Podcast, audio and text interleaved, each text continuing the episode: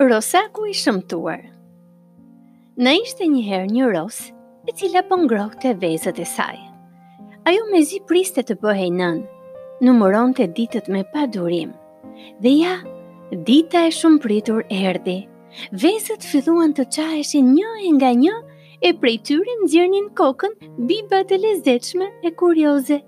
Gjithsej dolën pesë biba, vetëm njëra vezë, ajo më e madhja fare nuk jepte shenjë. Rosa mendoi ta ngrohte edhe një ditë dhe ashtu bëri. Dhe vërtet, të nesërmen veza çeli dhe prej saj doli një bibë ose më mirë, një rosak. Rosa mbeti e habitur. Djali i saj ishte ndryshe nga të tjerët. Ai ishte më i madh, me qafë më të gjatë, pothuajse pa pupla fare, dukej aq i shëmtuar, oh, motrat e tij, biba, nuk iu afruan fare. Rosës i erdhi keq për djalin dhe e mbajti pranë. Ditët kalonin dhe Rosaku ndihej i vetmuar.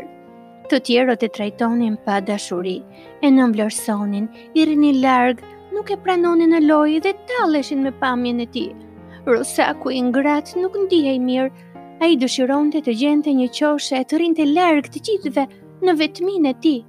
gjeti diku një fole të braktisur dhe atë e rregulloi si strehëzën e tij. Kur ndjente se dikush afrohej, ai fshihej. Kështu shpëtoi nga talljet, por nuk shpëtoi nga trishtimi.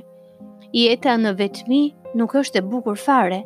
Ai kishte nevojë të luante e të kishte familje e shokë. si të gjithë shpendët e tjerë. Një ditë, i mërzitur dhe i uritur, Rosaku doli nga foleja dhe eci nëpër liqen. Aty pranë, sheh një tufë mjellmash. Rosaku u mahnit nga bukuria e tyre dhe aq shumë u hutua saqë harroi të fshihej siç bënte gjithmonë kur haste rrugës shpendë. Njëra nga mjellmat e pikasi dhe u tha shoqeve. Ua! Shikoni, paskemi vizitorë në liqen, qenka një mjellmë e re simpatike. Çfarë? Pyeti veten Rosaku, ku është mjellma e re, ku?